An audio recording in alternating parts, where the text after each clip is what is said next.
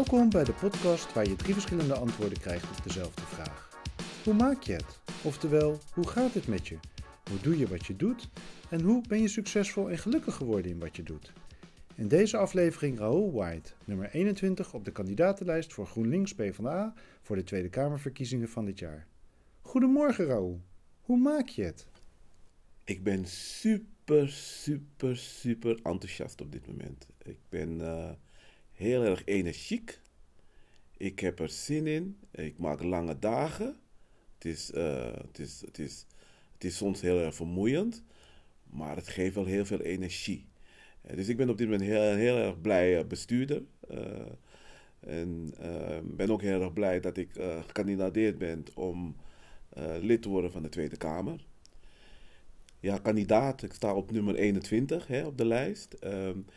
En ik denk er ook heel vaak over na van, um, ja, dit is wel een heel erg mooi moment, maar waar kom ik dan vandaan? Hè? Ik ben, uh, toen ik zes jaar was, ben ik overgekomen vanuit Suriname. Um, en ben dan heel snel uh, geconfronteerd geraakt met, ja, dat ik in een vreemd land ben. En uh, waarom vertel ik dit? Omdat dit ook een hele erge trigger is geweest. Waarom ik eigenlijk wilde dat die wereld waarop we leven met z'n allen een rechtvaardige wereld zou moeten zijn. Dat is ook een van de pijlers, als je het hebt over bestaansrecht, bestaanszekerheid, die we tijdens deze campagne ook vrij hoog op de, de, op de, op de verkiezingsprogramma hebben geplaatst. En ik heb uh, heel snel ook leren kennismaken met onrechtvaardigheid. En uh, dat heb ik meegemaakt in het onderwijs.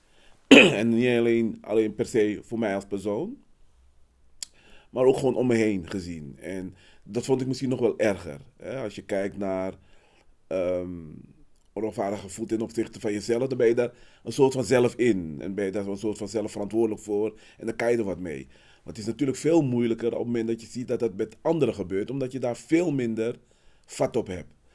En uh, ik realiseer me nu dat uh, die drijfveer, hè, want dat is een drijfveer waar ik, uh, waar ik het nu over heb, dat dat maakt ook dat ik nu op dit moment me ook heel erg trots voel dat ik dit op nationaal niveau mag gaan manifesteren. Um, ik deed dat natuurlijk al op lokaal niveau als dagelijks bestuurder hier in Zuidoost. En uh, dan heb je het met name over de Zuidoostenaren waar je dan het verschil voor wil maken. Uh, maar ik mag het nu gewoon ook gaan doen voor mensen in heel Nederland.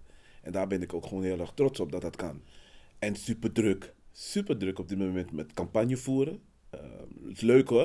Ik had niet verwacht dat ik het ook op die manier leuk zou vinden. Um, het flyeren uh, op de markt, het huis aan huis, gesprekken voeren met bewoners.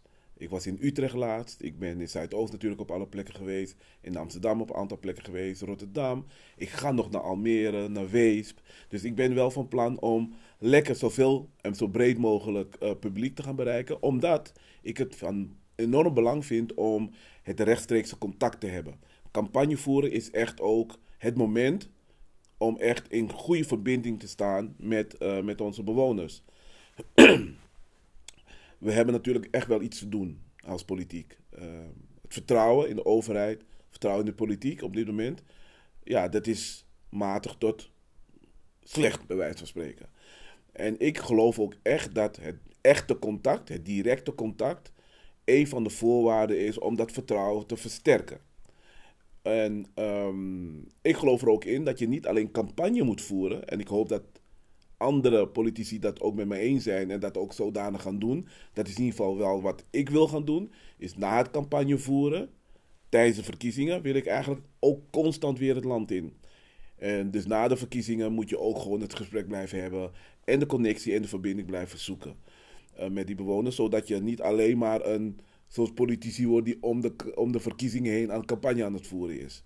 Dus dat vind ik echt belangrijk. Um, um, ik vind het ook leuk. Um, ik was inderdaad op de markt en dan hoor je ook hele mooie verhalen. Een verhaal die ik hoorde van een, een bewoner die zei. ja, die was overigens pas 40 jaar, denk ik. En die zei van ik vind het heel erg moeilijk om op dit moment ook gewoon goed voor mijn gezin te zorgen. Als iemand die chronisch ziek is, op zijn veertigste, die dus niet kan werken, die helemaal natuurlijk um, aan de terug, werk is in de inkomstenkant. Eh, dat wordt natuurlijk steeds minder hoe langer hij eh, ook ziek is. En eh, we hebben natuurlijk gewoon te maken met dat bestaansrecht. Iedereen heeft recht op een goed bestaan. Dus als je nou ziek bent, of als je nou niet ziek bent, of als je nou werkt of niet werkt, met welke reden dan ook, iedereen heeft recht op een goed bestaan. En dat betekent voor mij een goed dak boven je hoofd, dat je dat in staat bent om dat te kunnen regelen. In staat zijn om voldoende centen in je zak te hebben, goed inkomen te genereren, omdat je ook moet zorgen voor je gezin en voor je kinderen. Ehm, ik vind het van belang dat we goed onderwijs hebben. Dus dat iedereen ook recht heeft om eh, het onderwijs te volgen waar hij voor zou willen gaan. En je merkt wel dat dat soort elementen ehm, op dit moment heel erg onder druk staan. En, en daar moeten we echt wat mee. En dat is ook de reden waarom ik campagne voer. Omdat ik ook geloof dat dat de, de, de, de, de punten zijn die de mensen raken. En dat wil ik wel zeker weten. Dus dat is ook waarom ik uh, het ook heel erg mooi vind om al die verhalen op te halen in al die verschillende wijken en gebieden hier in Nederland. Maar Raoul, hoe maak je het? Hoe doe je wat je doet? En zoals ik al zei, ik ben uh, met mijn zesde levensjaar ben ik naar Nederland overgekomen. Ik ben in Suriname, Paramaribo geboren. En um, ik ben toen weer herenigd uh, met mijn moeder, die was ons voorgegaan. Um, in eerste instantie neergestreken in Soetermeer en daarna al heel snel uh, neergedaald in Amsterdam, Oost. En daarna vervolgens eigenlijk vanaf, ik denk mijn achtste, negende jaar opgegroeid in Amsterdam Zuidoost. En dat is wel mijn leerschool geweest. Um, het is een, um, een, omgeving waarin je ook mag genieten van 176 verschillende culturen. Diversiteit spat aan alle kanten tegen de muren aan. En ik denk dat het van belang is geweest dat ik dat op die manier heb ervaren, omdat dat echt impact heeft gehad op mijn, denkwijze, mijn zienswijze, maar ook het verloop van uh, zowel mijn sociale carrière, noem ik het maar even, als wel mijn maatschappelijke carrière. Uh, want daarin heb ik dus wel bewuste keuzes gemaakt om bijvoorbeeld na het middelbare onderwijs om um, maatschappelijk werk en dienstverlening te gaan studeren op de sociale academie. Omdat ik gewoon heel erg uh, de drijfveer van binnen voelde om wat te betekenen voor de mens. Uh, ik heb ook als, als leus van let's make the world a better place. Hè? Laten we met z'n allen proberen uh, ervoor te zorgen dat we een hele mooie planeet hebben waarin er hele mooie dingen gebeuren. En ik ben niet naïef, hè? dus ik realiseer me ook dat dat op dit moment um, ja, voldoende is om, om aan te pakken. Uh, maar ik vind ook wel dat we de taak hebben om dat te doen.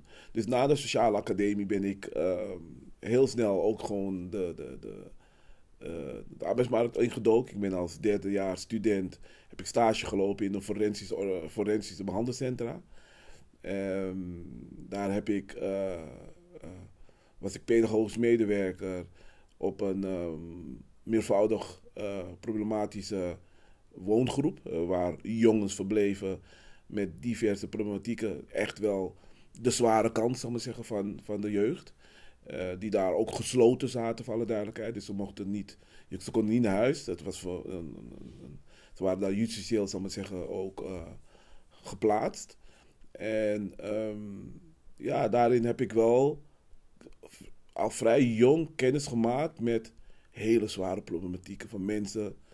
En daardoor ook uh, gevoel, meer gevoel gekregen dan uh, alleen de daad. Hè?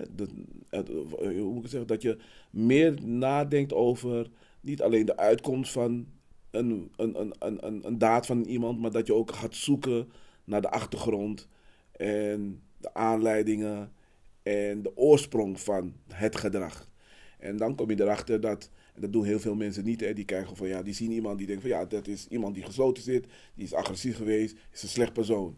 En ieder persoon heeft een, heeft een verhaal. En niet bij elk verhaal kan je die conclusie trekken op die manier. En daar ben ik wel heel snel achter gekomen, omdat ik echt wel uh, heel vaak geconstateerd heb met, met die levensverhalen. Um, die weg heeft ook voor gezorgd dat ik eigenlijk ook uiteindelijk op dit moment politici ben geworden. Dat geloof ik ook echt.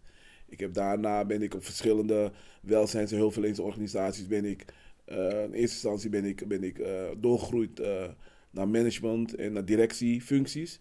Omdat ik heel erg ook op zoek van, was van, oké, hoe kan ik meer impact maken? In zo'n behandelcentrum, dan ben je verantwoordelijk als sociotherapeut voor één tot en met vijf eh, cliënten. Ja, dan ben je de wereld aan het veranderen voor vijf mensen en hun omgeving. Ja, en als leidinggever, als teamleider en daarna als manager en daarna als eindverantwoordelijk, behandelverantwoordelijke, ben je verantwoordelijk voor al die cliënten die daar zitten. Dus ik was wel ook op zoek van, oké, hoe kan ik meer impact maken? Eh, omdat ik ook geloof dat eh, hoe meer impact je maakt, eh, hoe breder je span of control is, hoe meer impact je kan maken. Ehm, en op een gegeven moment, ja, dan kom je in een situatie terecht dat je ook heel vaak heb je gesprekken gevoerd met de politiek. En dat heb je natuurlijk als je eind, ook eindverantwoordelijk wordt voor organisaties. Ja, dan heb je ook te maken met politieke drijfveren. En ben ik ook achtergekomen van, nou ja, dat is natuurlijk wel heel erg interessant. Ik heb toen ervoor gekozen om geen politieke kleur te bekennen. Omdat je op zo'n positie natuurlijk ook goed moet nadenken om je puur sec te verbinden aan één specifieke politieke partij. Want die veranderen nog wel eens hè, qua tijd.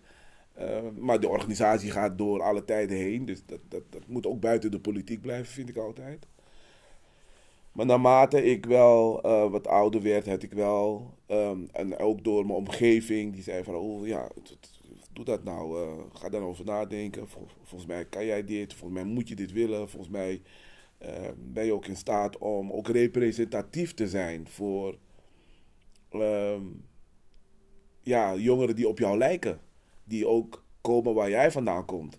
Die ook op hun zesde hier op straat terecht zijn gekomen in Amsterdam Zuidoost, bij wijze van spreken. En, um, en dat het niet altijd makkelijk is geweest, hè, het opgroeien, dat, is, dat kan ik gelijk meegeven, dat is een gegeven. Ik heb echt wel uh, uh, uh, af en toe bijvoorbeeld moeten glippen om naar school te moeten. Hè? Ik bedoel, ja, andere kinderen die werden met de auto naar school gebracht, bij wijze van spreken. Nou, ik moest ervoor zorgen dat ik überhaupt aankwam, van tijd tot tijd. Uh, maar wel altijd belangrijk genoeg gevonden om dat ook te doen. Hè? Ik had ook kunnen zeggen, weet je wat, het is veel te moeilijk. Ik ga gewoon maar niet naar school. En daarin was mijn moeder wel heel belangrijk. Want ondanks dat we het niet heel erg breed hadden financieel, was ze wel, zorgde ze wel altijd ervoor dat, dat we de basis op orde hadden. En die basis op orde, die is me altijd bijgebleven. Die, die, die, die heb ik de afgelopen jaren echt gemist. En um, dat is ook de reden waarom ik ook voor links progressief wil gaan. En ik ook nu ook op de nummer 21 sta, uh, nummer 21 sta van de GroenLinks PvdA-lijst. Omdat ik ook geloof dat wij met die beweging, met die zienswijze ook um, weer de basis op orde kunnen krijgen. En um, dat is in de afgelopen 14 jaar, ja, vind ik dat dat niet het streefpunt is geweest. We hebben heel erg gekeken vanuit het individu. Um, dus als je het goed doet, dan komt het omdat het uh, door jezelf komt, omdat jij het als individu goed doet. En op het moment dat je slecht doet, komt het ook door jezelf. Had je het maar beter moeten doen, bij wijze van spreken. En ik geloof daar niet in. Ik geloof dat, ik geloof dat we meer vanuit het collectief moeten denken. Meer vanuit het wij collectief moeten denken. En dat we ook zorgen moet, voor elkaar moeten zorgen. Dus de sterke schouders moeten ook voor de minder sterke schouders zorgen. En, en zo bouw je een echte goede planeet op. En ik geloof dat we uh, met GroenLinks PvdA dat gaan, dat, gaan, uh, dat gaan nastreven. Communicatie is voor mij ook heel erg belangrijk. Uh, dat is een ding waar ik eigenlijk al vanaf jongs af aan heel erg zorgvuldig in ben geweest. Waar ik tot nu toe ook heel erg zorgvuldig over in ben. Omdat ik ook geloof. Kijk, heel veel mensen zeggen tegenwoordig van ja, uh, het is ons recht, meningsvrijheid, uh, meningsuitingen, uitingen van meningen is gewoon een recht. Dat mag, je, dat mag je gewoon doen. En daar bedoelen ze eigenlijk mee te zeggen, ik mag gewoon zeggen waar ik zin in heb. En, en, en, en sommige mensen roepen toch wel dingen waarvan ik denk van ja, maar dat kan echt niet. Um, dan heb je veel te weinig begrip voor je omgeving. Dan hou je te weinig rekening met je omgeving. Ik vind namelijk niet dat je alles kan zeggen wat je in je hoofd hebt. Ik vind dat je uh, rekening moet houden met, nogmaals, hoeveel impact heeft hetgene wat ik zend naar mijn omgeving toe. En daar moet je zorgvuldig over zijn.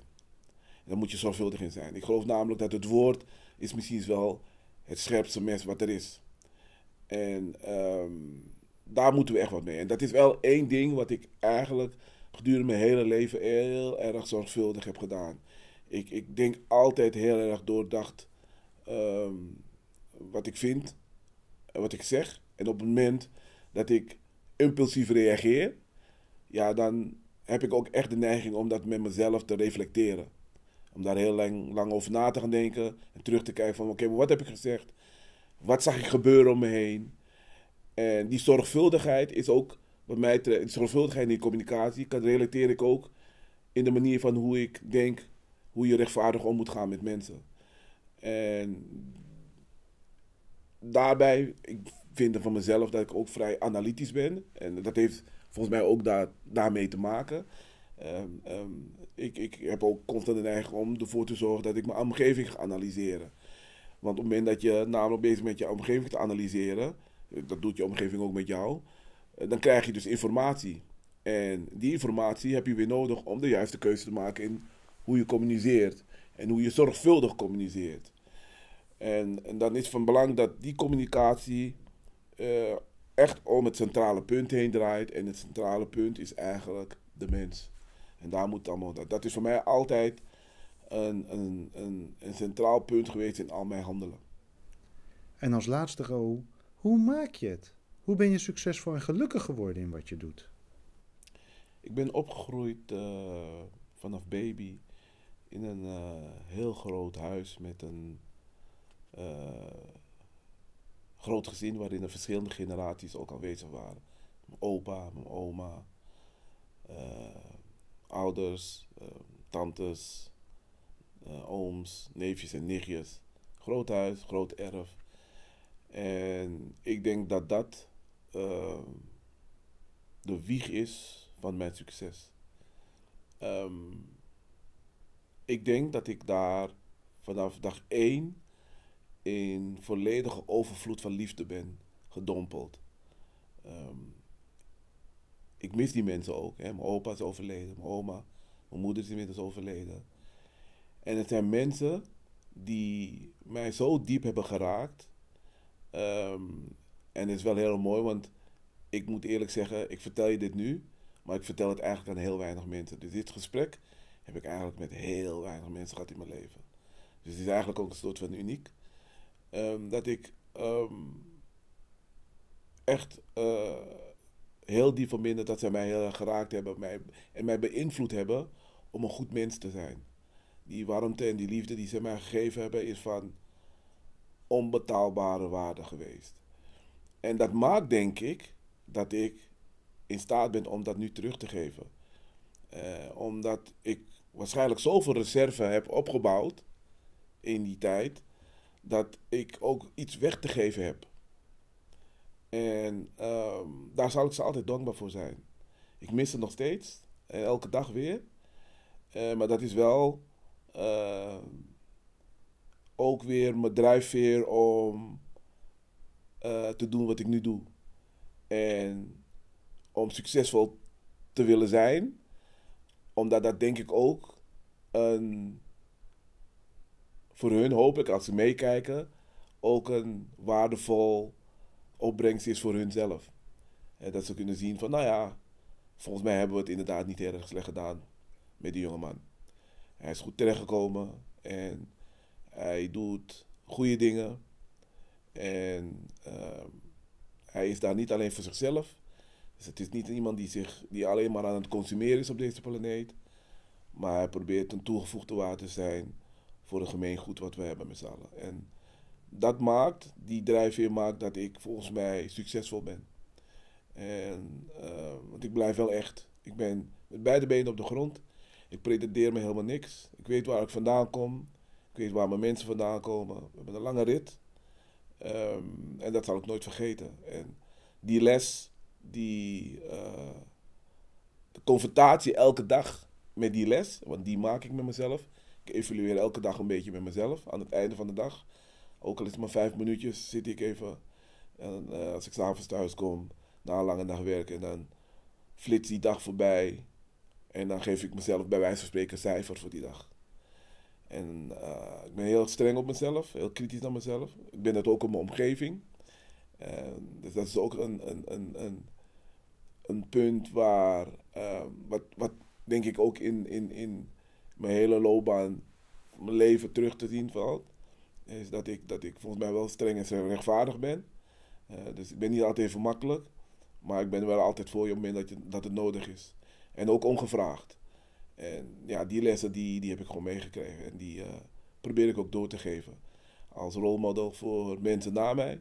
En jongeren na mij. Om eigenlijk hetzelfde te doen. En van dezelfde bewaarden en betekenis zijn voor uh, de generatie die na ons komen. En dat was het alweer voor deze aflevering van Hoe Maak je het? Benieuwd wie mijn volgende gast is? Volg Hoe Maak je het op je favoriete podcastplatform of op Instagram en blijf op de hoogte.